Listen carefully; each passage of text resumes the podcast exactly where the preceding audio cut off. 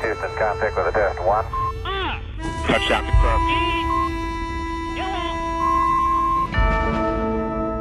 Hartelijk welkom bij Space Cowboys aflevering 106. Mijn naam is Herbert Blankenstein en ik zit hier in de studio met Michel van Baal. Hoi. Hallo. En Luc van den Abelen. Hi. Hallo. En we gaan een uh, uurtje ruimtevaartnieuws bespreken en uh, even maar uh, rondkijken uh, wat iedereen zijn meest spectaculair onderwerp is. Luc. Um, nou, dat, uh, dat China veel doet in de ruimtevaart, dat, uh, dat weten we. Maar ja. um, als je nu alles eens bij elkaar optelt, zijn ze echt wel uh, bezig om echt een superpower te worden. Dus ik, ik heb eens wat zaken op een rijtje gezet die ik oh, voor ga nemen. Ja. ja, goed. Dat gaan we zo doen. Michel? Ja, en ik heb uh, drie onderwerpen die alle drie uh, droevig zijn. Uh, oh. Als ik heel eerlijk ben, zijn ze niet heel vrolijk. Maar goed, toch wel interessant. Ik denk de meest interessante die ik tegenkwam was een studie naar het effect van klimaatverandering voor space debris. En eigenlijk was het resultaat daar onverwacht, moet ik zeggen. Oh, nou, vreselijk spannend.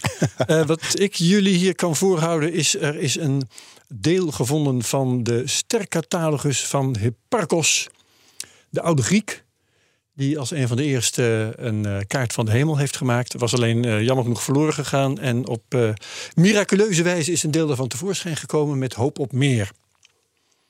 Oké, okay. nou Luc, um, we gaan het over China hebben, maar niet meteen. Nee.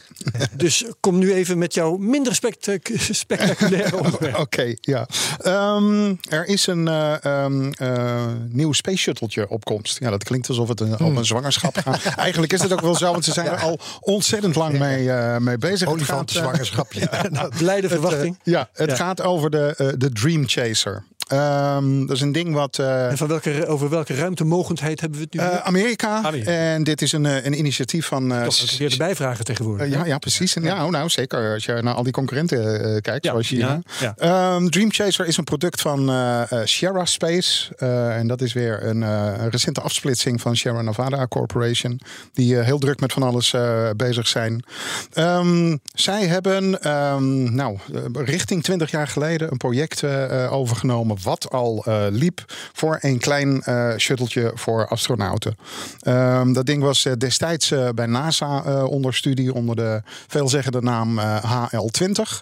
en het pikante detail daarbij is dat het ontwerp daarvan zo ongeveer is afgeleid van een Sovjet-ontwerp. Oh. De Bor 4, een, een klein, kleine lifting body die um, eigenlijk uit een ander project afkomstig was en um, in de voorbereiding voor het Buran-programma de Russische Oeh, ja. uh, shuttle is, uh, is gebruikt. En je zegt HL20, staat dat ook ergens voor? Uh, ja, en dat ben ik dus op dit ogenblik eventjes niet, niet machtig om mij, maar je gaat niet helpen bij te halen. Dat gaat ja, iedereen dus, zelf googlen. Dus ja, ja, ja, dat precies. is de vraag. Mooi. Um, nou, Sierra heeft destijds dat project geadopteerd omdat zij mee wilde doen in de commerciële ronden die NASA had uitgeschreven om astronauten naar het internationaal ruimtestation te transporteren. Um, zij zijn het niet geworden, maar ze hebben toen stug volgehouden en hebben het ding doorontwikkeld, maar dan als vrachtcapsule. Dus er zouden geen astronauten meer, uh, meer meegaan. Um, dat contract hebben ze uh, gewonnen. Um, dat um, gaat hopelijk volgend jaar leiden tot de eerste vlucht van het toestel. Het punt is alleen dat ze kennelijk zo ontzettend enthousiast waren over die bemande versie dat ze dat nooit hebben losgelaten. En um, uh, achter de schermen blijft het gewoon doorontwikkeld uh, worden. Ik kan er niet helemaal achter komen um, of de piloten, de, de astronautpiloten aan boord ook nog echt iets te doen hebben. Um, misschien komen er helemaal geen cockpitramen in het ding te, te zitten. Nou, dan, dan, niet echt nodig natuurlijk. Nee, nee, maar dan heb je inderdaad ook bijzonder weinig meer aan een stuurknuppeltje of iets, iets dergelijks. Maar nee, het toestel is um, uh, dus zodanig in voorbereiding dat er eigenlijk best wel grote plannen zijn om dat ding ook bemand uh, te gaan gebruiken. Er is een samenwerkingsverband met Blue Origin opgezet, um, genaamd Orbital Reef. Uh, een van de commerciële ruimtestations die op het ogenblik worden uh, bestudeerd, voorbereid in, uh, in Amerika. En deze Dream Chaser zou daarvoor het transport van astronauten, maar ook toeristen moeten gaan zorgen. Nou, um, het ding wordt vanuit Amerika, vanuit Florida gelanceerd. Um, aanvankelijk zou dat op een, een, een, Atlas gebeuren. Um, nu heeft men ervoor gekozen om op de Vulcan, de nieuwe machine van ULA, te gaan lanceren. Dat is een wegwerpraket. Dat is een wegwerpraket ehm, die bovendien ook nog weer wat vertraging heeft opgelopen. Omdat Blue shit. Origin de motoren niet eh, eh, op tijd kan, eh, kan leveren. Gaat wel de goede kant op, begrijp ik. Dat, eh, Ja, ja, precies. de- daar positief Nummer, signalen. nummer 1 is afgeleverd, de motor. Nummer 2 eh, zit er aan te komen. Dus eh, wat dat betreft kunnen we, kunnen we inderdaad vooruitkijken naar weer iets gevleugelds wat, eh, wat uit de ruimte terugkomt. Nou, eh, we zijn het natuurlijk heel erg lang gew- gewend geweest met eh, de Space Shuttle. Lijkt die uiterlijk daar ook op? Ehm, ja, maar hij zit inderdaad een beetje tussen eh, lifting body. ehm, eh, wat dus eigenlijk een toestel is zonder vleugels die echt voor draagvermogen ehm, eh, zorgen. En de Space Shuttle in. Het, hij heeft inderdaad een beetje schuin opstaande vleugels. Die trouwens bij de lancering opgeklapt zijn. Want het hele ding wordt netjes in een neuskegel eh, opgeborgen. Dat is wat makkelijker lanceren. En ja, en, en verder is het een- ja, een, een beetje een gek toestel. Ik vind, ik vind het ontzettend mooi. Ik vind hem mooier dan de Space Shuttle eh, eh, ooit was. Maar hoe, land, is, eh, hoe landt dat ding? Weet je dat? Heeft hij Ehm, wieltjes of eh, hij heeft, nou, hij heeft wieltjes onder de vleugels en een soort ski in, de, in de neus. Dat heeft kennelijk weer van alles te maken met de ehm, thermische toestanden tijdens re-entry. Eh, men heeft uitgerekend dat een, eh, een rubberen eh, wiel in de neus dat niet zou overleven. Dus ze hebben inderdaad eh, ehm, een, eh, een uitklapbaar. eh, ja, hoe moet je het noemen? Een, een, een, soort- een soort ski die wordt, wordt uitgeklapt. Ja. En, eh, nou, En daar moet hij een- dan ook echt mee op een landingsbaan. Ja. Want eh, zo'n, eh, Ja. als je dan niet een wiel hebt of iets dergelijks, dan krijg je een vonkerregen. Stel ik me zo. Ja, nou ja, de, de vonken niet. Mm, Ik kan me zo voorstellen dat ze misschien gewoon een heel dik stuk kurk of zo eh, eh, daarop hebben, hebben gelijmd. Eh, Als je zo lang mogelijk op die twee achterste wielen blijft zitten en pas op het Ja. allerlaatste moment de neus Precies, neerzet, ja. dan denk ik dat het lukt. Maar ik, ik zat me het even af te vragen, omdat eh, dat betekent namelijk wel dat je een landingsbaan moet vinden, weet je, en dat je daar moet, precies moet uitkomen, weet je. Ja. Terwijl het voordeel van parachutes is wel dat je, nou ja, je kan dan stuurbaar met die Elk lifting weiland. boarding door de, en inderdaad daarna met, eh, met je parachutes het allerlaatste stukje doen. Dus ik, ik zat even te, maar het zijn toch wel wielen dus. ja, ja, precies. Eh, nou, er, er zijn eh, twee eh, droptests gedaan van onder een, een helikopter. De eerste ging nogal spectaculair mis helemaal op het eind, omdat een van de twee wielen niet uitklapte. Nou, toen is het ding over de kop geslagen. Daar zijn wat illegale foto's van, van te vinden. Het ding was behoorlijk gehavend. Maar ze hebben hem weer weten te reviseren. En ehm, uiteindelijk heeft hij een, eh, een geslaagde ehm, eh, vlucht op, eh, op Edwards Air Force Base gedaan, de landing. Hetzelfde zoals dat in de jaren zeventig met, met de Space Shuttle gebeurde. Ehm, dus hij kan op, eh, op vliegvelden zelfs eh, landen. Er zijn al diverse ehm, overeenkomsten met, eh, met vliegvelden ehm, nou, over de hele wereld. Onder andere ook in, in Europa. Ehm, zodat het ding ja, ruim de keuze heeft om, om terug te keren naar de aarde. Wat natuurlijk interessant kan, kan zijn voor eh, experimenten. Ehm, Die kunnen bij wijze van spreken in het land van, eh, ehm, van origine worden af, afgeleverd. Dus ehm wordt een, een vrij flexibel eh, apparaat. De eerste landingen zullen uit veiligheidsoverwegingen en natuurlijk plaatsvinden op, op de landingsstrip van de Space Shuttle op, op Kennedy Space Center in, in Florida. En vanaf volgend jaar, hoorde ik dat goed, of was het 2024? Nee, nee volgend, Volgend volgend jaar, aanstaande lente, zou het moeten, moeten gaan gebeuren eindelijk. Dus Ja.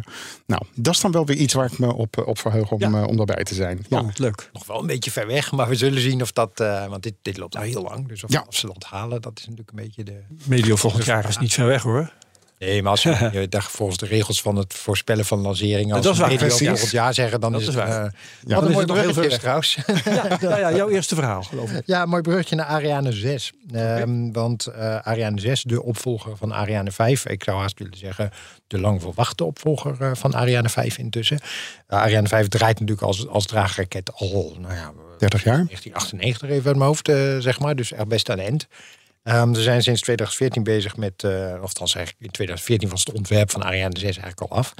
Ehm, maar, en hij had eigenlijk als in 2020 gelanceerd moeten worden. Nou, dat is niet gelukt. Nou, dat, dat weten wij uit andere projecten. Denk aan web. En dat is ook niet, eh, nou ja, vertragingen horen erbij om het zo Ja, maar even niet te heel verrassend. Uh, alleen wat me wel opviel is, ze hebben nu opnieuw vertraging aangekondigd. Hij had eigenlijk in 2000 dit jaar moeten gaan, zeg maar. Maar ze hebben hem nu vertraagd naar eh, vierde kwartaal 2023. En dat is best, eh, vind ik eerlijk persoonlijk, best een gekke vertraging. Weet je? Want Dat is een heel best jaar. ver weg. Ja. En je weet, in, nou ja, volgens de wetten van, eh, van het voorspellen van lanceerdata is het vierde kwartaal 2023 betekent minimaal 2024. Weet je dat?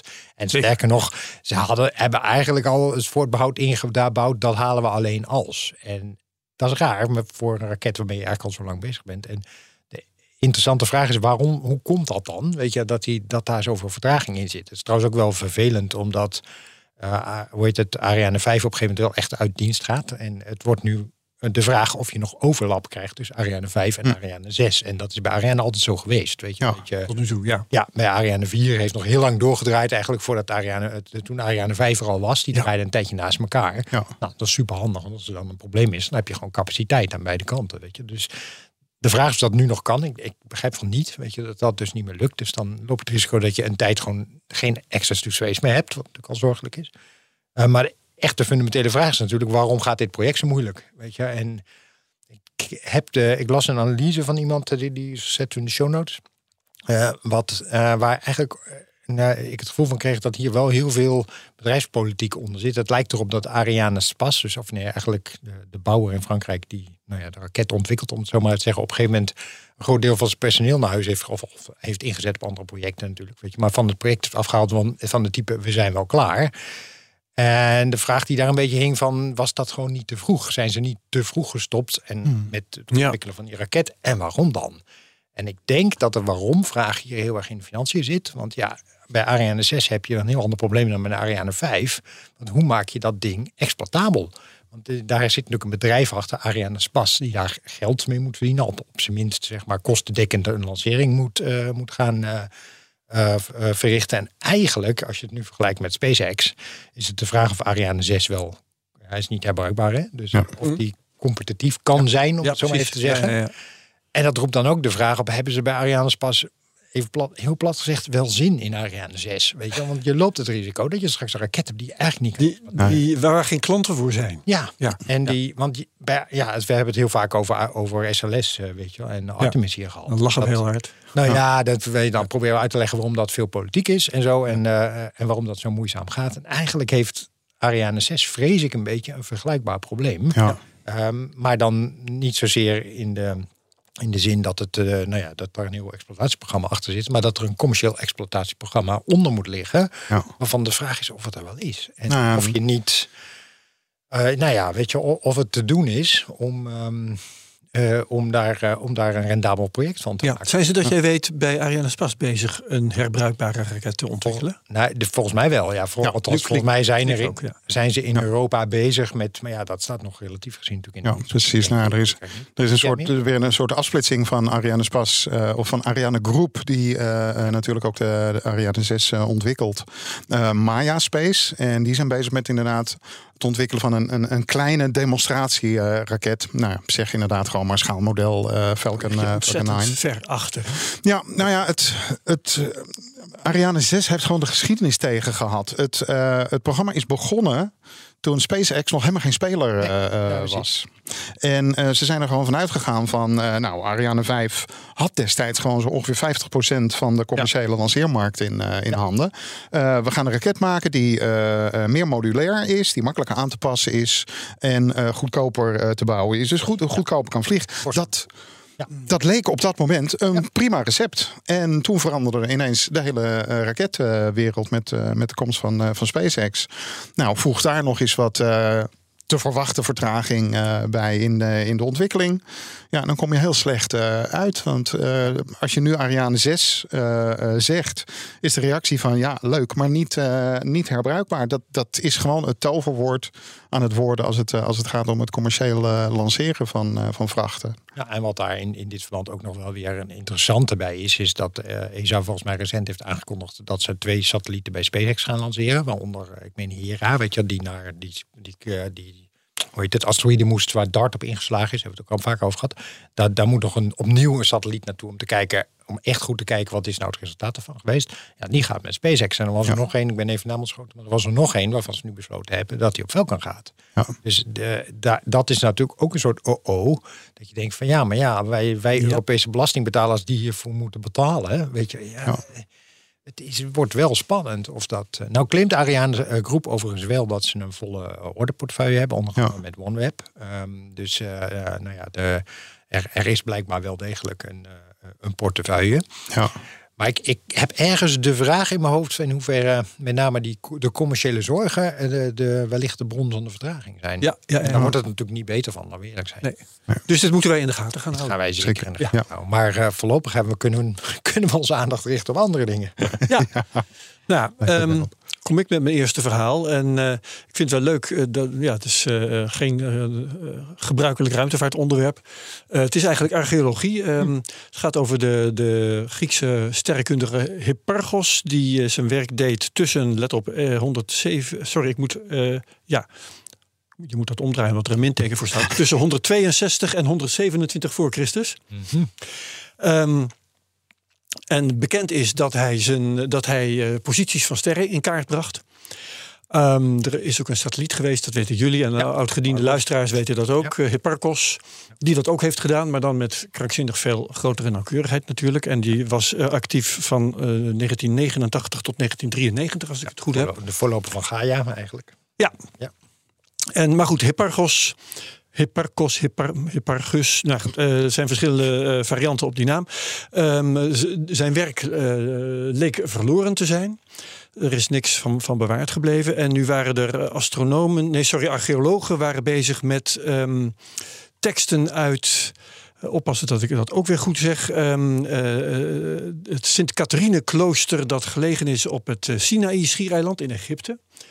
Ik wist niet dat ze daar ook kloosters hadden. Dat is natuurlijk de moslimwereld. Maar in ieder geval, eh, daar hebben ze manuscripten ehm, onder een apparaat gelegd. En dat apparaat dat eh, doet aan multispectral imaging. Ja. En dan breng je dus eh, documenten of iets anders in kaart in verschillende kleuren in de eerste plaats. Groen, blauw en rood. En bovendien infrarood en röntgen. Het hele pakket, ja. Ja, en als je dan naar deze, eh, deze teksten kijkt, eh, dan vind je eh, allerlei andere teksten, ik zal maar zeggen, op de achtergrond. En dat komt doordat het perkament is hergebruikt. En dat is verschrikkelijk interessant en leuk. Eh, dat was blijkbaar destijds gebruikelijk dat eh, perkament eh, waarvan ze dachten dat- dat is verder niet meer zo belangrijk. Bijvoorbeeld het werk van Hipparchos. Daar schraapten ze dan de beschreven laag vanaf. Eh was blijkbaar dik genoeg daarvoor. Ik wist niet dat dat zo ging. En dan eh, gebruikten ze dat gewoon opnieuw. Dan eh, konden er weer nieuwe teksten op eh, geschreven worden. Enig idee hoe ze eigenlijk überhaupt dan wisten dat die, dat, dat werk moet hebben bestaan? Ja, dat vroeg ik me ook af. Nou, Ja, ze dat- hebben ehm, deze, deze teksten die, die, eh, wa- waarin ze geïnteresseerd waren ehm, en waarvan ze blijkbaar vermoeden dat er wel iets onder lag. Ja. Eh, het was trouwens de Codex Climaci of Climaci Rescriptus. Ehm, daarvan wilden ze weten wat heeft hier eerder opgestaan. Dat is denk ik de manier geweest waarop dat onderzoek is begonnen. En ze hebben allerlei andere dingen eh, ook ontdekt op de achtergrond. Maar eh, op een enkel document hebben ze dus iets gevonden dat aan Hipparchus waarschijnlijk kan worden toegeschreven. En waarom kan het aan Hipparchus ehm, waarschijnlijk worden toegeschreven? Eh, in de eerste plaats vonden ze dus in die teksten, en er staat een hele mooie animatie op, in Ars Technica, waar je dus ehm, de, eh, de documenten ziet zoals je die gewoon optisch ziet. En dan maken ze een mooie overvloeier naar wat je ziet in andere golflengten. Dat is allemaal heel mooi. En dan zie je dus een eh, tekst die eerst nauwelijks zichtbaar wordt, zie je opeens veel zichtbaarder worden. En daarna projecteren ze een ehm, overgeschreven versie, zeg maar, daar nog op, zodat je het echt naar voren ziet komen. En dan zie je nog niks eigenlijk, want het is allemaal in een heel raar alfabet. Niet eens iets wat je herkent als het Griekse alfabet. Maar goed, dat kunnen ze blijkbaar allemaal interpreteren. En daar herkende een van de deelnemers aan het onderzoek stercoördinaten in. Ah, dat moet je ook maar weten. Ja, en ehm, dat ehm, komt, de manier waarop het is opgeschreven, komt overeen met de manier waarop Hipparchus dat gedaan moet hebben. Dat is één. Eh, het kan ook gedateerd worden aan de hand van eh, de sterposities die worden eh, gegeven. Ja, sterren hebben eigen beweging, zoals je weet. Ja, ja. Dus kun je uitrekenen dat deze posities moeten zijn opgetekend in 129 voor Christus. En dat was dus binnen de Ja, ja, dat grenzen waarbinnen Ja. Bezig was. Dus dat is, dat is een bepaalde mate van waarschijnlijkheid. Zoveel anderen zullen daar niet mee bezig zijn geweest. is niet zeker, maar wel heel waarschijnlijk. Uh, ja, en nu is het zoeken verder naar meer documenten dan eigenlijk dat ene, die één of twee pagina's die ze nou hebben. Um, of, of, of ze nog meer kunnen vinden met deze techniek. Dus uh, ja, een hele leuke vondst. Heel uniek. Wauw. Bijzonder. Ja, ja. Uh, met ook weer de belofte van uh, misschien meer. En dan zal het ongetwijfeld uh, ook weer gepubliceerd worden. En um, wat ze nu hebben gevonden, dat is ook gepubliceerd. Even kijken of ik dat nog kan um, oplepelen uit het. nee, dat lukt me eventjes niet. in Ars Technica staat het wel genoemd, maar ik kan het even niet meer opvissen uit die tekst. Dus hou me dat ten goede. maar dat kan iedereen zelf lezen die naar de show notes gaat. Nou, het is goed dat ze dan uh, zo zuinig met, uh, met het perkament op uh, omgingen. Want als ze genoeg hadden gehad, dan was het werk gewoon weggegooid. Van, nou, dat is niet meer belangrijk. hoe we nu weggooien? Of zouden het beter kunnen afschrapen misschien? Ja. Dan was er, maar ze moesten natuurlijk ook een bepaalde dikte overhouden, stel ik me voor. Ik, daar heb ik geen verstand van. Heb ik ook niet gevonden in het artikel trouwens hoe dik dat perkament oorspronkelijk was. En hoeveel ze daar dan af hebben geschuurd. Dat weet ik allemaal niet. Maar uh, ja, dat is een interessante. Maar ook het idee, hè, toen ze dit gedaan moeten hebben, uh, moet dat toch ook al een eeuwenoude tekst zijn geweest. Ja. Het is namelijk gebeurd in de zesde eeuw of zo. En het zal misschien overgeschreven zijn in de derde eeuw of zoiets. Maar toch ja. Toen al antieke teksten. Ja. En daarvan hebben ze gedacht, nou ja, daar hebben we toch niks meer aan. Uitgummen die hap. Perkament gewoon heel kostbaar was in die ja, tijd. Ja, uiteraard. Uh, ja. Ja. Overigens ken ik deze techniek ook uit zijn schilderijonderzoek. Uh, ja, want jij zat ja, precies. Zeker zo van, dat weet ik allemaal. Ja, nou ja, dat, nou. ik herken dit, weet je, want uh, zo hebben we ook ooit uh, bij, bij de TU Delft onderzoek gedaan naar Van Gogh en zo. En dan ja. kom je op, oh, ja. op een gegeven moment vind je schilderijen achter schilderijen. Dus ja, ja, zeker. Over, ja. overgeverfd zijn, zeg Klopt. Ja. Dus ja, ook daar geldt eigenlijk hetzelfde, weet je. Die lijsten waren vaak best wel duur, weet je. Dus heel vaak maakten ze dan studies en daarna gooiden ja. ze er iets anders over. Ja. Weet je? En die techniek stelt je in staat om door dat schilderij heen te kijken, ja. als het ware. Te kijken zonder allerlei stadia en wat daaronder zit. Ja, en ook of een schilderij inderdaad later nog eens is aangepast, omdat nou ja, ze, de schilder op een gegeven moment vond dat het, die arm toch op een andere plek moest. Weet je, dat hou je dan ook uit, uh, uit dat soort onderzoek. Heel interessant. Ja, prachtig. Ja, het wordt ook gebruikt bijvoorbeeld om um, in het Hotel van Oranje, bij de gevangenis uh, in Scheveningen, voor, voor Oranjegangers. Om, om door het plamuur heen te kijken wat er, onder, um, uh, wat er op die muur is geschreven door die gevangen, zonder dat je de muur hoeft te slopen. Weet je? Ja. Dus voor oh, dat ja. soort technologie wordt het veel gebruikt. Ja, ja. Intussen valt mijn oog er in elk geval op dat um, er is in uh, Nature uh, over gepubliceerd. Ik weet niet of het een redactioneel artikel is of uh, een, een, een, onderzoeksverslag. Maar in ieder geval, het wordt dermate hoog aangeschreven dat Nature daar aandacht aan heeft besteed. Dat is in ieder geval, het is een redactioneel artikel zo te zien. Ik heb het nu voor me, ja, inderdaad. Goed. Um, zullen we het over China gaan hebben, Luc? Ja, nou, ga er maar eventjes uh, voor zitten. Barst want, uh, um, uh, god, ze zijn ja, sinds 1970 actief met het lanceren van hun eigen satellieten. met hun eigen raketten die ze daarvoor hebben ontwikkeld. In 2003 zijn ze begonnen met bemenste vluchten. Um, tot nu toe zijn dat er slechts negen geweest. Um, maar in de tussentijd hebben ze toch wel van alles weten, weten op, uh, op te bouwen ja. aan ervaring. Um, wat uh, een beetje actueel is nu, is dat ze bezig zijn met de bouw van hun Tiangong ruimtestation. twee modules zijn, zijn in de ruimte op, op dit ogenblik. Um, gisteren, en dan hebben we het over 25 oktober, is de volgende module naar het lanceerplatform gebracht. En die gaat op de 31ste naar het station toe. Dan is in principe, als die module is gekoppeld en uh, van plaats is, uh, is veranderd, zodat het station een beetje een, de vorm van een T heeft, is het in principe af. Uh, maar de Chinezen hebben al wel gezegd van ja, we hebben alle onderdelen in tweevoud gebouwd. Dus in principe kunnen ze nog eens drie modules eraan vastmaken en een echt groot en indrukwekkend ruimtestation gaan, gaan maken. Nou, ze hebben uh, aangegeven dat ze ontzettend openstaan voor internationale samenwerking uh, daarin. Uh, er is ook al een, een heel programma openbaar gemaakt met medewerking van allerlei universiteiten, ook uit Europa. Ook zelfs uit, Nederland. Um, de VU Amsterdam um, deel, doet mee in het programma Tumors in Space. Ehm, daar is een Tricia LaRose van de Noorse Universiteit eh, van Oslo, ehm, de principal investigator. En die tweet nogal opvallende dingen de laatste tijd. Ehm, die zegt van ja, ik, eh, ik ga zelf eh, die missie van 31 dagen doen aan boord van het eh, station. Ehm, nou, die, die status die claimt zij wel, maar er is eigenlijk Als astronaut of als begeleider? als astronaut. Ja, ja. Ze, eh, ze is al bezig met eh, eh, trainen in pakken. Ehm, ze gaat inderdaad begin november eh, zero G training aan boord van geen vliegtuigen doen. Chinese dame. Nee, het is een, een eh, Noorse wetenschapster, maar ze is van Canadese. eh, Is dat dan de eh, eerste niet-Chinees die met de Chinese vlucht meegaat? Zeker. En dan ook nog eens een keertje uit een hele erg onverwachte hoek. Want eh, we hadden toch verwacht van, nou ja, dat Amerikaanse astronauten niet direct eh, eh, opdracht van NASA krijgen om daar naartoe te vliegen, dat is duidelijk. Maar er is al een tijdje een lijntje met ESA. Ehm, De eh, Italiaanse astronaut eh Cristoforetti, die eh, onlangs eh, van eh, haar missie van Simona heet ze geloof ik. eh, Eh, Samantha. Samantha was het, ja. Ja, die eh, eh, heeft een aantal jaren geleden alles een keertje getraind met eh eh, taikonauten. Eh, ze spreekt ook goed Chinees. Wat geen geringe prestatie eh, is voor een, eh, een westerling. Die werd getipt, begrijp ik. Ja, nou ja, daar gingen we allemaal van uit van... nou, die, die, die zou dan best eens een keertje eh, de deur open kunnen zetten voor ESA. Maar het lijkt nu ineens via een hele andere route te gaan. Nou ja, nogmaals, het zijn vooral de tweets van de dame zelf. Ze zegt het zelf, ja. Ja, er- lijkt verder nog niks besloten te zijn, maar het, het is in ieder geval een interessante ontwikkeling.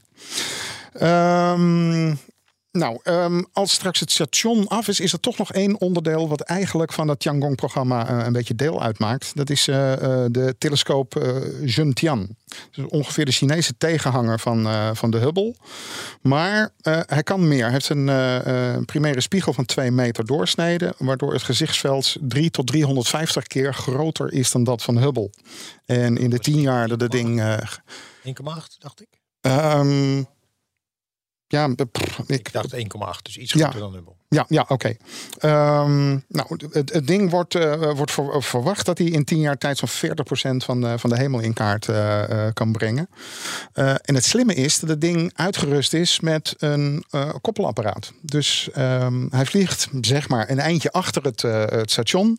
Maar als daar onderhoud gepleegd moet worden, kan die eh doodgewoon eh, naar het station vliegen, daaraan vastkoppelen. En kunnen, Voordeel is dan eh, dat je minder vibraties hebt. Eh, ja, ja, je moet hem vrij laten eh, vliegen. Want anders dan, eh, als je inderdaad bewegende mensen aan boord hebt, Ja. dat, dat verstoort. eh, ehm, eh, ja, inderdaad. daar moet je geen experimenten aan, aan doen Nee. dan.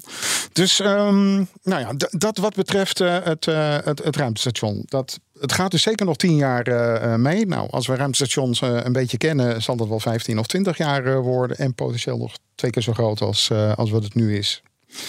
Nou, dan hebben ze ook het een en ander ehm, gepland voor eh, de maan. Tijdens eh, het recente ehm, congres van de Communistische Partij, waar we al, wat we allemaal mee hebben gekregen, eh, meneer Xi gaat voorlopig niet meer, niet meer weg daar.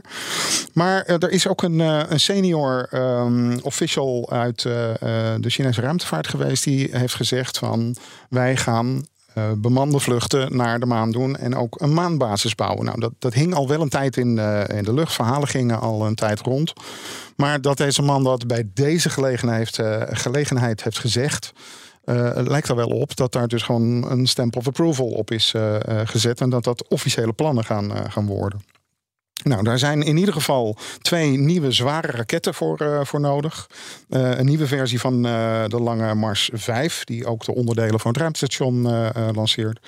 En het grote monster Lange Mars 9. Dat wordt inderdaad iets in de, in de klasse van Saturnus 5 of Ja, ja. Starship. Zo'n 100 meter hoog, 10 meter doorsnede eh, in de eerste trap. Eh, 26 motoren daarin. En ook herbruikbaar. Dus daar eh, gaan ze, gaan shit. ze eh, hoog oh, ja, landen? Dat, ja, dat, dat, dat, dat gaat wel iets, eh, eh, iets worden. Ehm, nou, ze hebben ook al ehm, eh, het ontwerp klaar en zelfs een testvlucht gedaan met eh, het eh, bemande ruimteschip wat ze daarvoor willen gaan, eh, eh, gaan gebruiken.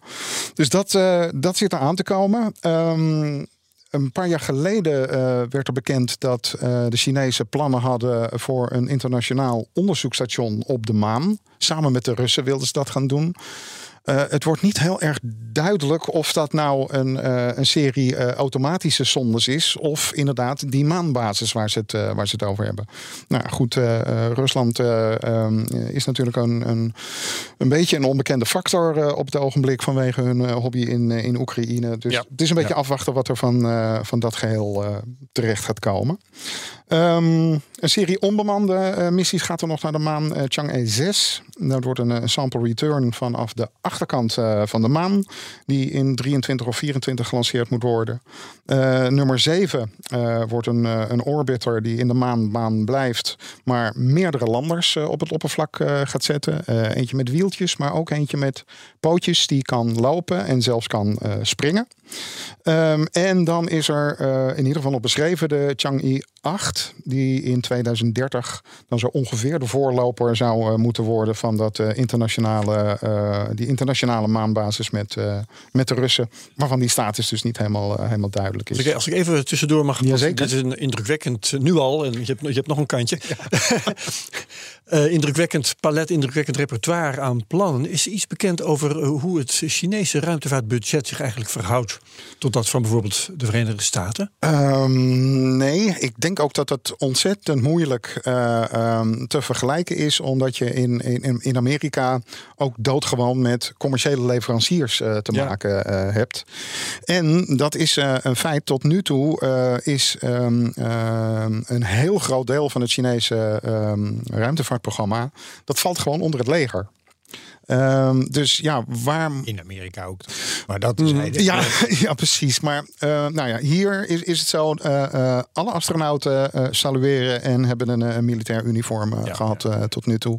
Ehm, nou ja, en vanzelfsprekend, aardobservatiesatellieten zullen ook wel voor andere doeleinden gebruikt worden daar. Ja, nou, Ehm, dus geldt voor Hubble trouwens, waar, waarvan spionagevarianten naar beneden. Ik heb het even nagekeken, 2,4 meter trouwens. Maar dat, Oké. dat toch, eh, attente luisteraars dit gaan corrigeren. Je had het lang zelf opgezocht. Ik, ik vind wel het verschil trouwens eh, tussen, tussen China en wat je in, eh, uit Europa en uit, uit Amerika oppikt. Weet je, als, eh, want het is inderdaad een indrukwekkend lijstje. Eh, maar de ervaring is wel dat ze dat dan ook allemaal gaan doen. Misschien niet allemaal al heel snel of zo, maar, maar je hebt in, in, in de west, aan de westenkant toch vaker dat we allerlei plannen hebben, maar daar is dan uiteindelijk geen geld voor. Of die sneuvelen om Nee. andere reden. Het is maar de vraag of het komt. Terwijl je merkt bij China, als ze op een gegeven moment zeggen van nou, dit en dit is plan. Ja. eh, dan gaat dat dan op een gegeven moment komt dat. ja, precies. Op Nou de is- manier waarop ze gezegd hebben eigenlijk. Ja, het is, het is, Ja. eh, zo is die politiek en, eh, Ja. en de economie graag georganiseerd. Er is een vijfjarenplan, er wordt inderdaad gewoon afgewerkt. Ik heb zelfs in het samenstellen van dit lijstje hier en daar gezien van... dit project was eigenlijk een paar jaar later gepland, maar is naar voren eh, gehaald. Nou, Oh. Dat kom je in het Westen helemaal niet Nee. zo ontzettend Nee. veel eh, eh, tegen. De voortzetting van je verhaal. Ja, precies. Eh, planeetonderzoek. Ehm, nou, Tianwen 1 staat al op, op Mars. Ehm, die heeft die beroemde foto's van het Chinese maankarretje ook gemaakt. Ehm, nummer 2 gaat in eh, 2025. Die moet dan een sample return eh, gaan doen. En daar wordt het spannend. eh, want het lijkt erop, als ze dit schema gaan volgen, gaan ze het winnen van, eh, van eh, NASA. Ehm, dan volgt er in 2026 Voice, een zonde die naar eh, eh, de- het oppervlak en de atmosfeer van Venus gaat kijken. Je heet Voice. Ja. Klinkt helemaal niet Chinees. Nee, nou ja, het, het, eh, eh, eh, kijk ook naar de eh, namen van Chinese eh, bedrijven. Het is misschien een vertaling van een Chinese Nee, woord. nee, het is, Nee? het is inderdaad een acroniem van een, een Ah. Engelse eh, eh, aanduiding die ze voor het ding hebben. Ja, nee hoor, maar we, we, we- we komen tegenwoordig eh, Chinese bedrijven die eh, Gal- Galactic Energy en eh, Space Pioneer eh, heten en zo. Dus Ja. wat dat Nee, betreft dat, alles, ja. alles verwacht bij overheidsinstellingen, of Ja. overheidsprojecten dan nog wel. Ja, nee, het is, ze, ze beginnen langzaam een beetje een gevoel voor PR eh, Ja. te krijgen. Beetje als Dus- Hongkong Chinezen, hè? die heet ook vaak gewoon Jack of David. Ja, ja, ja, precies. Nou ja, La- la- laten we de- Hongkong hier niet bij De halen. vlam van de, van de verschroeiende draak en zo. Vind ik altijd wel ja, weer gewoon mooie namen voor. Meer tot de verbeelding ook. Ja. Ja, nou ja, goed. Hun ja. interplanetaire Mooi. zondes die, eh, die, die doen dat nog wel. Het Tianwen, ik weet niet precies waar, waarvoor Nee. het staat, maar dat, dat klinkt Dat lekker de Chinees. Van de verschroeiende draak. Ja. Tianwen 3 wordt een, eh, een dubbelzonde eh, naar eh, Mars. Twee twee, twee delen. Eh, die, dat is die sample return die dan rond 2031 op, eh, op aarde zou moeten, moeten landen. Tianwen 4 wordt een dubbelzonde naar Jupiter en Uranus. Of Uranos. Of nou ja, goed, dan moeten we Thijs maar vragen hoe we dat uit moeten spreken. Nou, Uranus is Ehm, goed genoeg hoor. ja, precies. Nou, die eh, eh, gaat ook een, eh, een orbiter rond Callisto ehm, eh, achterlaten. En de andere Help even, is dat eh, Jupiter of dat is een? Jupiter-maan. ja. ja. En dan staat er verder nog zonder eh, um, eh, jaartallen een eh, missie naar eh, Neptunus. Een redirect van een asteroïde. En ze hebben het zelfs over een interstellaire missie. Ja, die zou dan rond 2049 gaan plaatsvinden. Ja, nou, ik moet nog maar kijken of ik dan nog steeds achter deze, deze microfoon sta. Ja. En wat is een redirect van een asteroïde, een, een asteroïde Eh, van koers laten veranderen? Ja, ja, inderdaad. Net Wat DART. Wat Dart heeft eh, eh, eh, gedaan. Ja, inderdaad. Oké. Maar Nou. uit, uit, uit bescherming van de aarde of uit astromining? Want dat kan allebei. Eh, als ik het goed heb begrijp, begrepen, inderdaad eh, eh, planetary protection.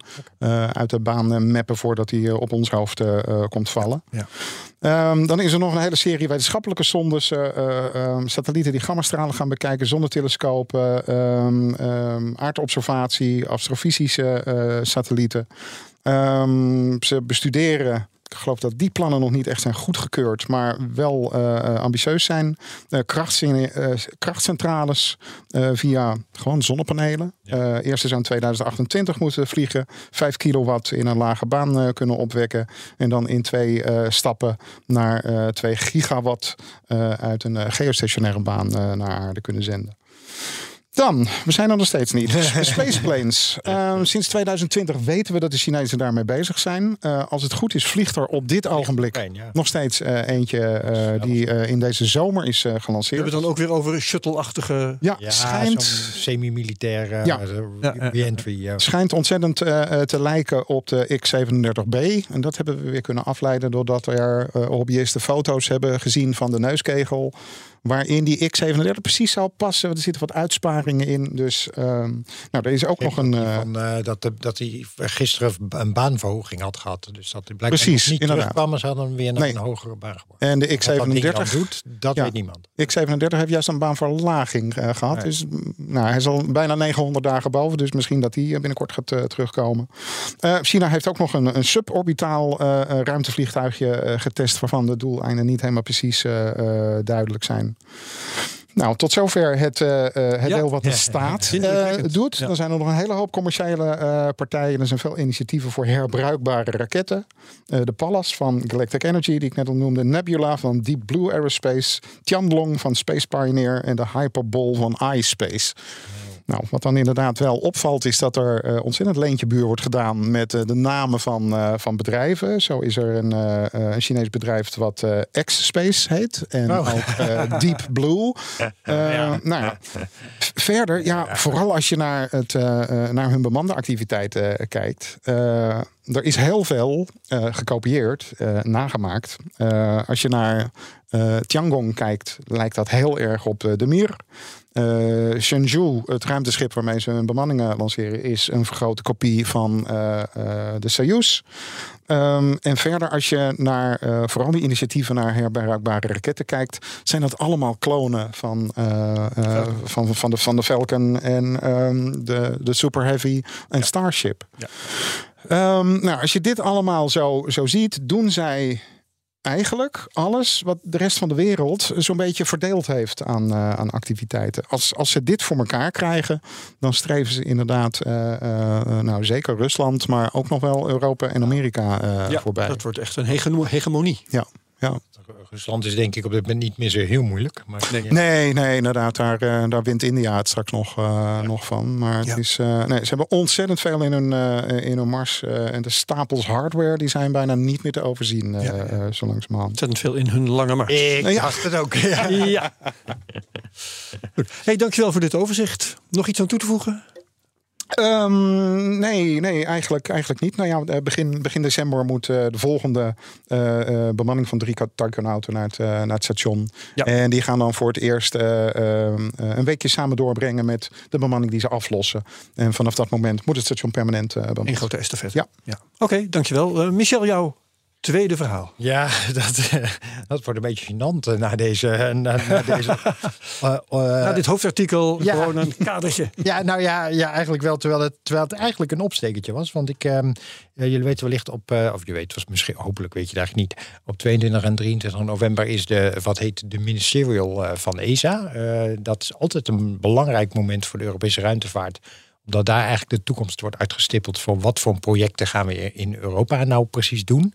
Eh, en dat is eh, de ministerial, dat is natuurlijk veel voorbereiding voor, et cetera, al, eh, op, op de gedetailleerd niveau. Maar zo'n ministerial is belangrijk omdat daar eigenlijk het handjeklap van de, van de, eh, van de, van de overheden plaatsvindt.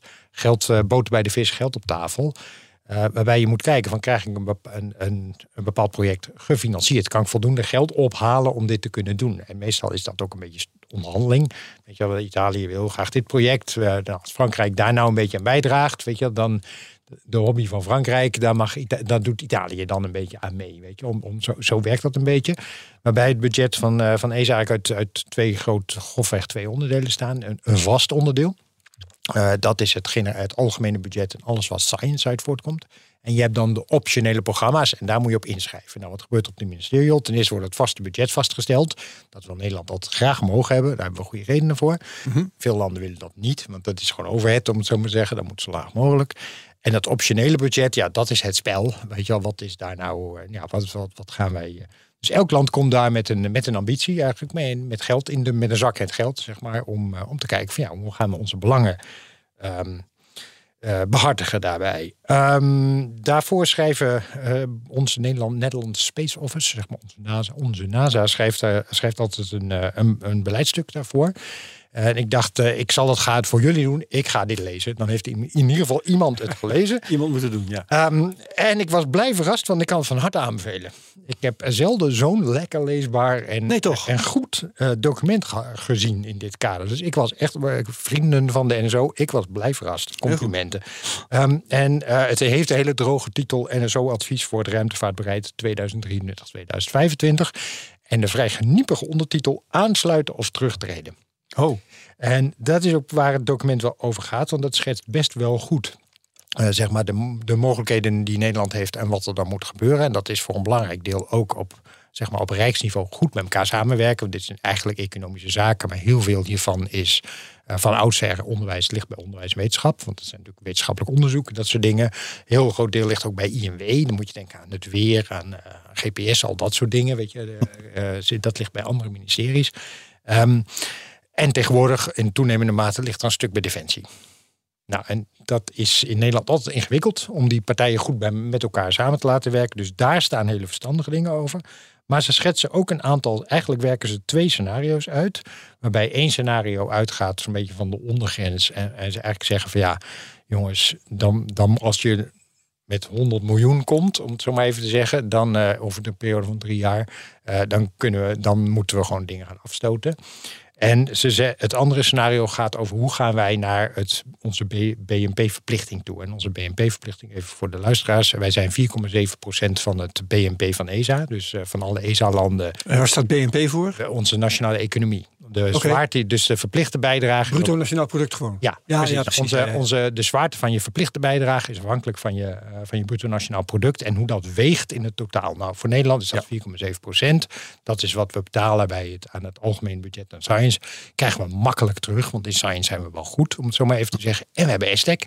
Dus een hele goed chunk van het algemene budget komt terug naar Nederland. Dus dat is, voor Nederland is dat een prima verdienmodel, zeg maar. Ja, precies. Want je, je hebt die regeling van een fair return. Hè? Dus Ja. eigenlijk al het, al het geld wat je eh, bij ESA investeert, krijg je terug als contracten. Ja, maar niet het algemeen budget. Oké. Want eh, in het algemeen budget, want dat dan moet je dus paperclips gaan inkopen in Spanje. Weet je, op, dat- op dat niveau weet je. Dus voor het algemeen budget doen ze dat niet. En dat betekent dat omdat het grootste centrum van, E- van ESA in Nederland staat. Dat is een goed verhaal, maar als ik tijd heb, kan ik, toch, kan ik het zo doen.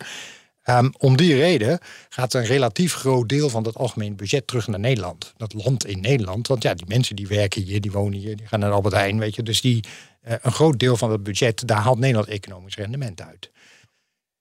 Dan zou je verwachten dat wij op het optionele deel ook aan onze BNP-verplichting doen. Dus ik zeg, nou, we doen daar ook 4,7 procent, maar dat is traditioneel al decennia niet zo. Eh, daar zitten we, nou, als, als het heel erg mee zit, op onder de 2.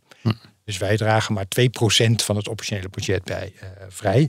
En eigenlijk pleit, eh, en dat is niet helemaal nieuw hoor, maar NSO nu voor om aansluiting naar, dat, eh, naar, dat, nou ja, naar die 4,7% te gaan zoeken. Hetzelfde soort discussie als bij NATO, hè, daar speelt dat ook, NAVO. En, en zij schetsen een scenario hoe dat zou kunnen. En ze schetsen een scenario van, eh, nou ja, als het, als het 100 miljoen is dan, is, dan zijn dit de harde keuzes en dan moeten we hem dingen loslaten. En ze schetsen ook een soort minimumplafond, waarbij je nog net kunt vasthouden wat je nu hebt. En dat is 170 miljoen. Mogen jullie raden wat de Nederlandse overheid als inzet heeft? Och jeetje, die 170. Aha. ja, waarbij je, ze eigenlijk en zo zegt, nou je kan het nog één keer doen. Maar daarna zeg maar moet je eh, harde keuzes gaan maken. En ja, helaas kiezen ze dus niet voor dat scenario waarbij je kan uitbouwen en ook daadwerkelijk op je sterktes kan gaan, eh, gaan investeren. Persoonlijk vind ik dit wel jammer, want ik weet hoe dat dan in de praktijk gaat. Weet je, je- na- al, die andere landen worden dan op een gegeven moment heel zagrijnig van Nederland. Want ja, je, je haalt er heel veel geld uit naar verhouding, maar je, je stopt er Ja. weinig in. Eh, dus op een gegeven moment gaan die landen Nederland onder druk zetten en zeggen van ja jongens, jullie hebben dat ESTEC. Weet je wel, dan moet je even investeren in een gebouw daar. En dat is in het verleden ook wel vaak gebeurd. Dan nou ja, moest er nog extra geld komen van 40 miljoen om het Erasmus gebouw neer te zetten. Ja, en dan gaat ons high-tech geld dus eigenlijk naar bakstenen. Ja, dat is een beetje zonde. ja, dus dat is. Ja, ik vind dat jammer. Eh, maar ik, de, het positieve nieuws was dat ik het, het, onderliggende document van NSO van harte kan aanbevelen. Dus als, als je toch een beetje Leuk, blij wil worden over waar we heen zouden kunnen, dan zou ik eh, aanlezen het NSO-advies voor ruimtevaartbeleid. Dat staat straks in de show notes. Ik zou je aanbevelen om er even doorheen te lezen. Ja, Geweldig. En hopelijk valt het mee. Dat- fingers Ja. crossed. Oké, ehm, mijn eh, volgende verhaal gaat over Elon Musk. En niet meteen uitschakelen. Maar meer ehm, in het bijzonder gaat het over Starlink. Dus het is echt wel eh, ruimtevaart. Eh, en het gaat over Oekraïne. In de afgelopen twee weken is Elon Musk zich gaan roeren over ehm, de donaties die Starlink heeft gedaan in hardware en aansluitingen aan Oekraïne. Hè, waar het leger goed gebruik kan maken van internetverbindingen en dat ook doet. Ehm, om een idee te geven. En ik zeg van tevoren dat de cijfers, daar vind ik zelfs al in twee artikelen die ik heb gevonden, vind ik erg veel tegenstrijdige informatie. Het is allemaal niet zo, niet zo helder hoe het precies zit. Maar ehm, er schijnen intussen zo'n 20.000 van die Starlink-eenheden te zijn eh, uitgedeeld in Oekraïne. Eh, waarvan, er, ehm, waarvan de helft regelmatig gebruikt wordt. Het Oekra- Oekraïnse leger heeft gevraagd om nog eh 8000 erbij. En als je dan weet dat eh, de abonnementen die ze gebruiken, die kosten ook nog eens een keertje, ik geloof 4500 eh, dollar per maand. Eh, voor de duurste varianten, hè, met de hoogste bandbreedte, goedkope varianten zijn 500 dollar per maand. Consumentenaansluitingen zijn 60 dollar per maand. Maar zoals de Oekraïners ze gebruiken, gebruiken ze ongeveer 10 keer zoveel data als een huishoudelijke aansluiting gebruikt. Dus het zijn echt wel grootverbruikers als ze er eenmaal mee bezig zijn. Goed, het heeft ook nut. Maar Elon Musk heeft gezegd, ja, dat is allemaal wel heel leuk, eh, maar dit gaan wij niet volhouden. Want SpaceX, sorry, eh, Starlink maakt niet eens winst. Ehm, laat staan dat deze kosten gedragen zouden kunnen worden. Het heeft tot nu toe heeft het eh, SpaceX eh, 80 miljoen dollar gekost. Dat zou kunnen oplopen voor dit jaar tot eh, 100 miljoen. En voor het volgende jaar zou het kunnen eh, uitdijen tot 400 miljoen. En dat vindt eh, SpaceX slash Starlink een beetje veel. Ja, dat is voor een cadeautje wel eh, heel erg. eh, Ja, nou, ja, toen heeft- ik ben wel benieuwd hoe je dat dan meet, dat, die kosten. Precies. Dat, Ja. En ook ja. daar vind ik eh, eh, tegenstrijdige informatie. Ehm, rekent hij dat bijvoorbeeld uit met die abonnementsprijzen? Ja. Ja, dan reken je dus de, de, de wholesale, de, de, de Ja. marktprijs. ja, precies. Terwijl je, gewoon je winst erin. Ja, moet gaan rekenen. Dus Ja, dat is allemaal. En dat zou reëel zijn als je andere klanten hebt die, die, die je niet kan bedienen, omdat die bandbreedte Dat wordt gebruikt door. En dat vraag ik me een beetje af. Heeft Ja. eh, Starlink nu nog eh, niet zoveel? Nee, ik denk het ook niet. Nee. het- Terwijl het ook bijvoorbeeld PR-waarde heeft. Hè. Dus je kunt op allerlei manieren kun je dit Ja. lijf. Maar dat het een grote kostenpost is, dat is natuurlijk wel duidelijk. En Elon Musk is begonnen zijn hand op te houden bij het Pentagon. Ja. En daar kreeg hij onmiddellijk nul op het request. Eh, waarna hij heel flink en stoer gezegd heeft: dan gaan we toch gewoon door. Ook al kost het sloten geld en ook al maken we geen winst. eh, we gaan hier. Er zat volgens mij nog een, een minder PR-technisch handig momentje tussen, maar oké. Oh, ja, vertel maar als jij hier ook. Nee, op een gegeven moment heeft hij gezegd, trek de stekker eruit. Ja. En, eh, Ja, ja. en toen Ja. kreeg, hij, eh, kreeg hij volgens mij eh, nou ja, zoveel kritiek dat hij daarna de wind van voren. Ja. gezegd van, Ja, ja, ja, ja, ja. nou ja, dan ga ik toch maar door.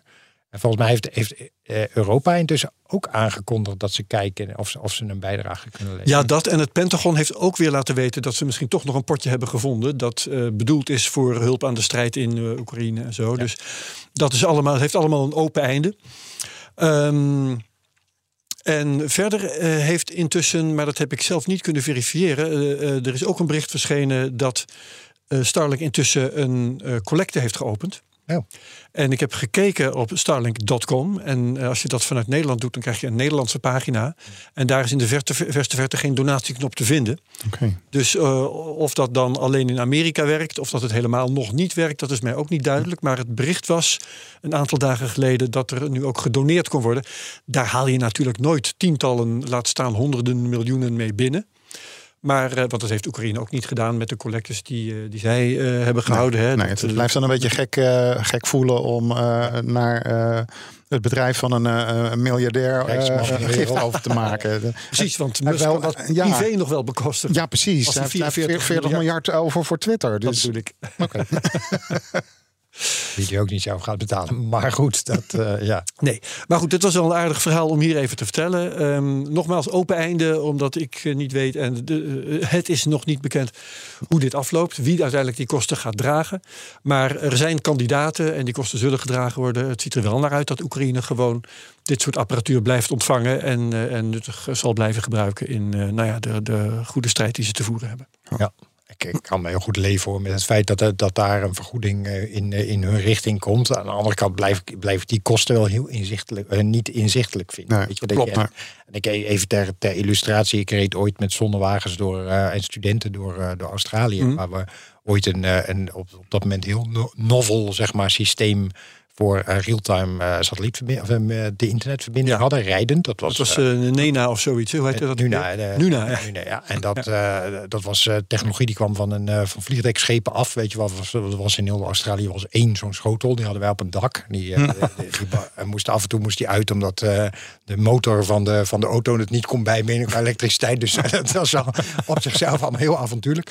Maar daarvan weet ik ook, weet je, ja, dat, dat kregen we gesponsord. En de commerciële waarde daarvan was een miljoen euro. Weet je, maar ja, dat is een compleet fictief bedrag. Weet je, Ja. want ja, als. Ja.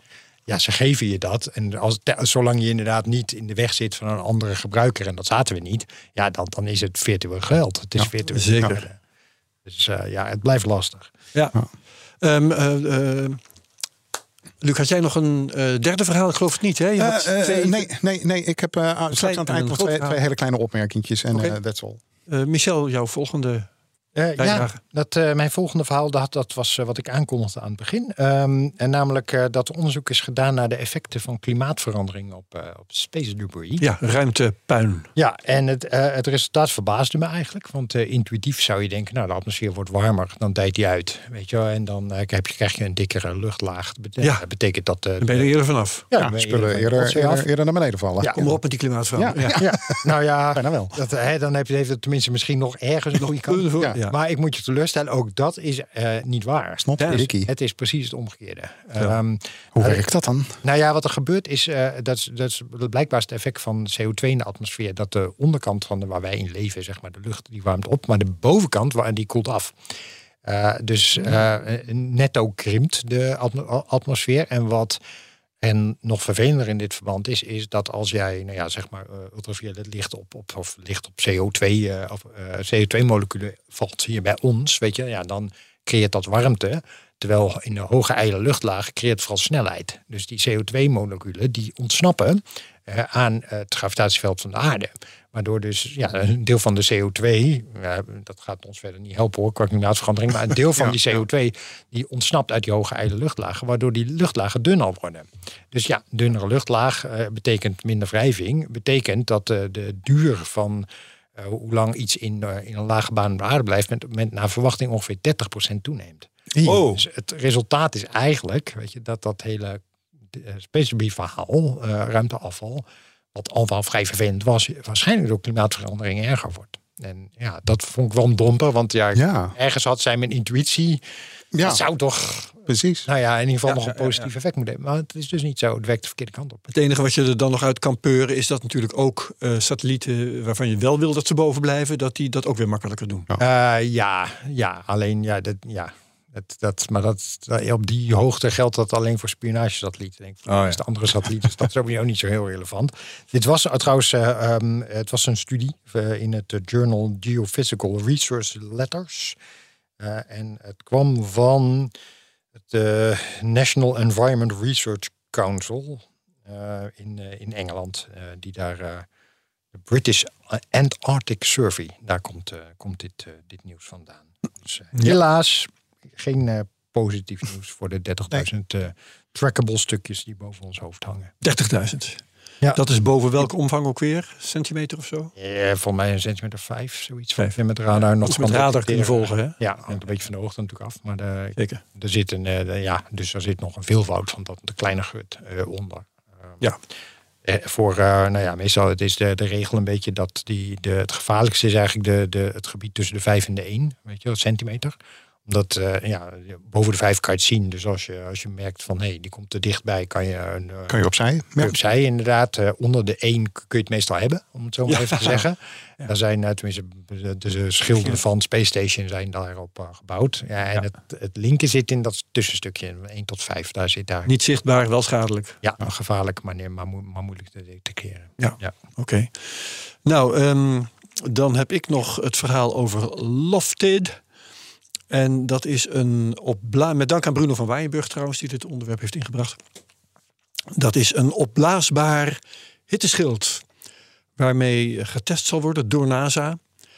Ehm, niet eerder dan 1 november, vond ik in de documentatie. Dus later dan 1 november gaat dat getest worden. Het is heel fijn om dat te weten.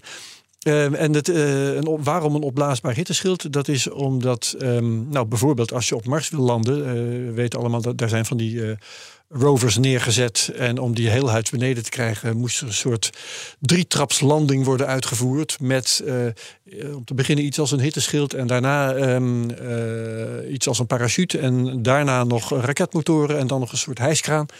Nou ja, ingewikkeld, ingewikkeld. Omdat die Marsatmosfeer zo ijl is.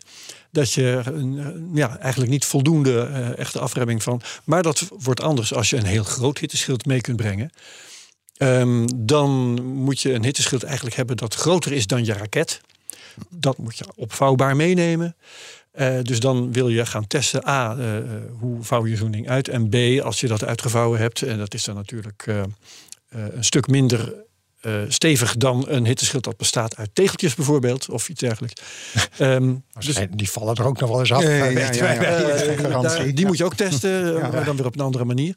Maar goed, eh, dat Lofted systeem, dat is dus een opvouwbaar hitteschild. En ehm er is ook een prachtige video van een omloop. Die is va- vanuit de show notes te vinden. Ehm, en nou, dat, dat vouwt uit. Dan heb je een, een samenstel van allerlei buisjes van hoofdzakelijk eh, synthetisch materiaal. Dus zeg maar even gemakshalve kunststof. Ehm, waar, waar het, eh, de structuur van gemaakt is. En er zitten daar weer lagen omheen. eh, die, waarvan de buitenste laag gemaakt is van keramisch weefsel. Ja. Bestand tegen temperaturen tot 1600 graden. En alles daaronder kan tegen successievelijk iets lagere temperaturen. Ehm, en is dan weer geïsoleerd van die structuur, et et cetera, et cetera. Maar goed, ehm, dat gaat dus eh, binnenkort eh, uitgevouwen worden eh, na een lancering. En vanaf een lage aardbaan wordt dat naar beneden geslingerd. En dan gaan ze hopen dat dat heel huid beneden komt en, en doet wat het moet doen. Ehm, gaat dan om de, een, een proefversie met een diameter van een meter of zes. Er wordt ook gedacht voor Mars en dergelijke aan diameters van 12 meter. Dan heb je natuurlijk een eh, grotere versie nodig bij een uh, ijlere atmosfeer. Ja. Kun je er wat aan hebben. Uh, LOFTID heet het Low Earth Orbit Flight Test of an Inflatable Detector. Ja, je Hoppakee. kent ze wel, de afkorting. Ja, ja, ja. Nou ja, altijd, is eh, nou niet echt een op de Nee, tong nee, smeltende naam waarvan je denkt dat onthoud ik meteen. Maar uh, oké, dus um, Ik vind het wel uh, technisch wel interessant hoor. Dat, uh, want dit, is, dit, klinkt ook echt als best een taaie klus. Omdat je, je hebt inderdaad aan, aan de buitenkant heb je dat, dat keramische materiaal wat die hitte moet tegenhouden. Ja. Nou, daar, daar ik, ik weet niks van dat materiaal, maar ik vermoed zomaar dat dat, dat materiaal niet zo luchtdicht is. Weet je, dus als je dat als buitenlaag gebruikt, dan loopt je hele, je hele opblaasbare ding meteen weer leeg. Ja, weet je? ja, ja. Dus, dus je moet dat, die lucht binnenhouden en die hitte buiten houden. En, dat wil, en, en daartussen moet iets om die, die temperatuur te... Want als je daar niet iets tussen doet, ja, dan smelt die, die luchtdichte laag plastic bij wijze van spreken die je nodig hebt om die lucht binnen. Die smelt al meteen. Weet je.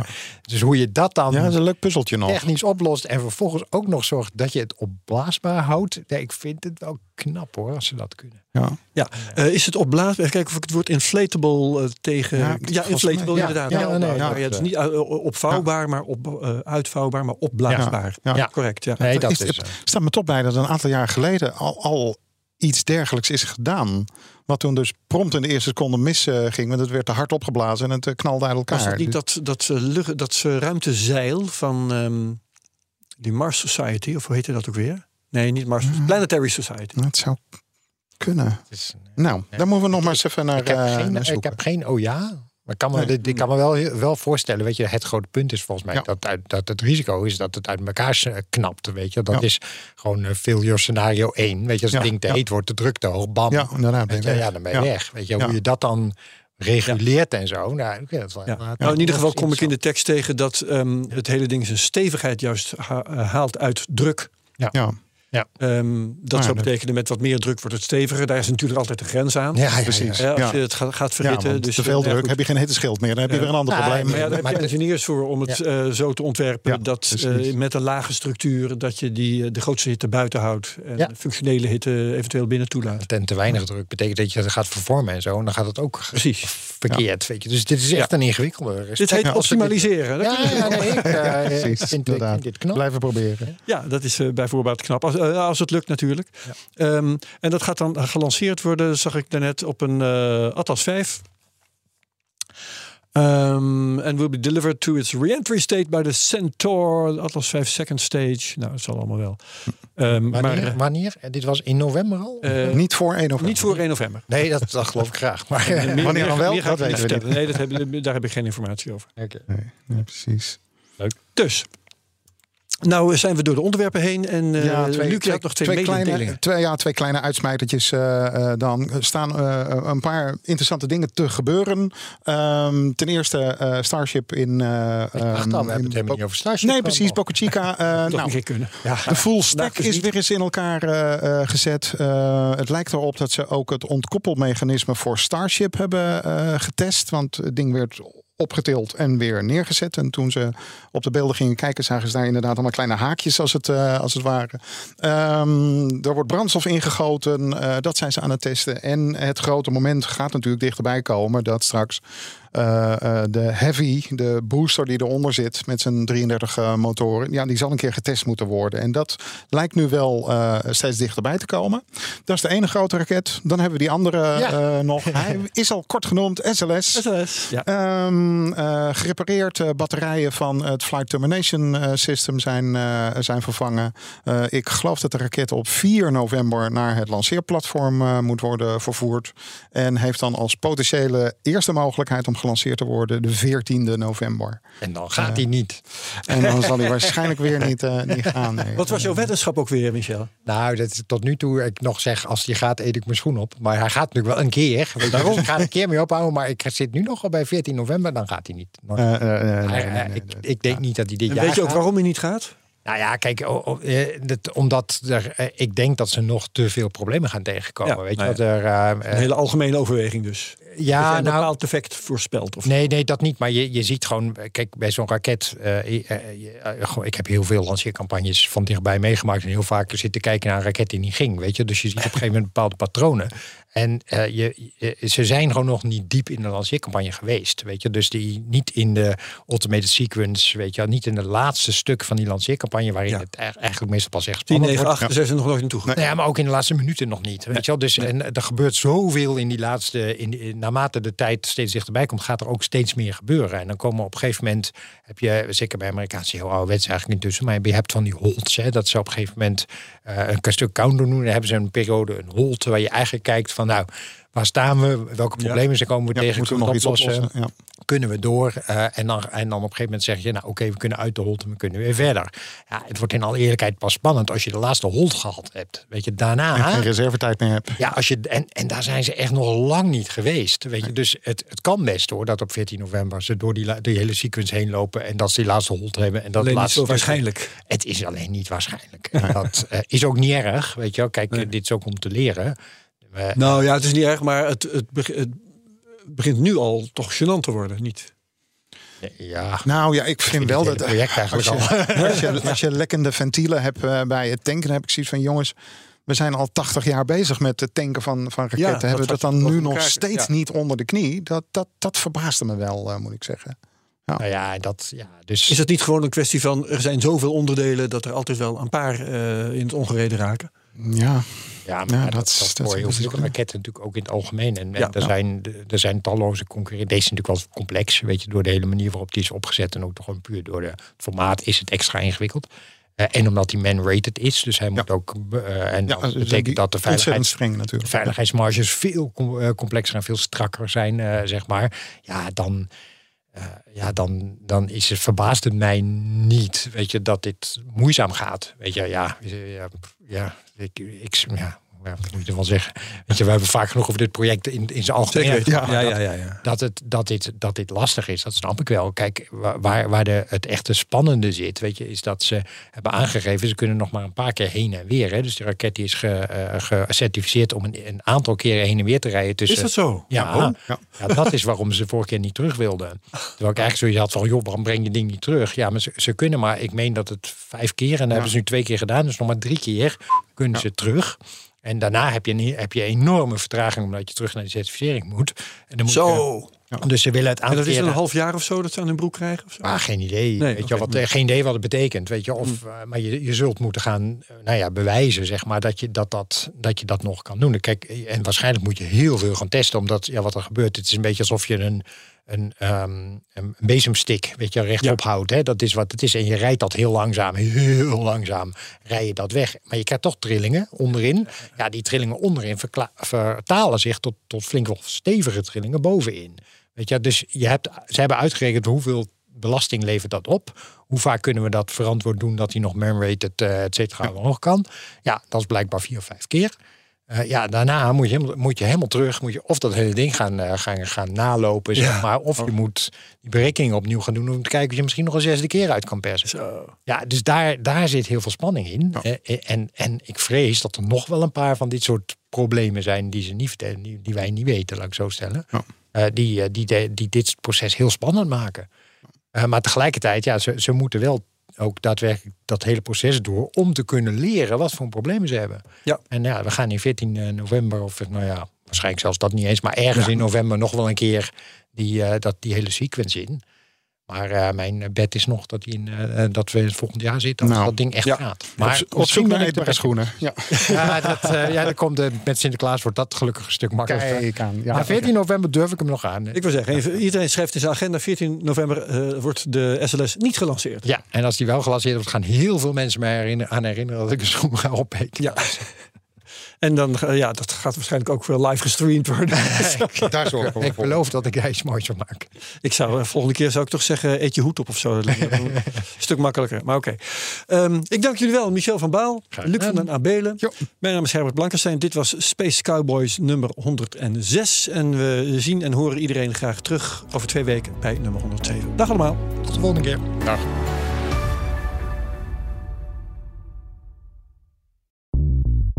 Bij BNR ben je altijd als eerste op de hoogte van het laatste nieuws. Luister dagelijks live via internet. Jelle Maasbach. Wesley Weert. We zijn er voor je met het leukste, opvallendste, maar natuurlijk ook het belangrijkste nieuws. Tijdens de presentatie van die halfjaarcijfers toen die beurskoers in elkaar kukkelde. BNR Beurs. Voor de slimme belegger. Blijf scherp en mis niets.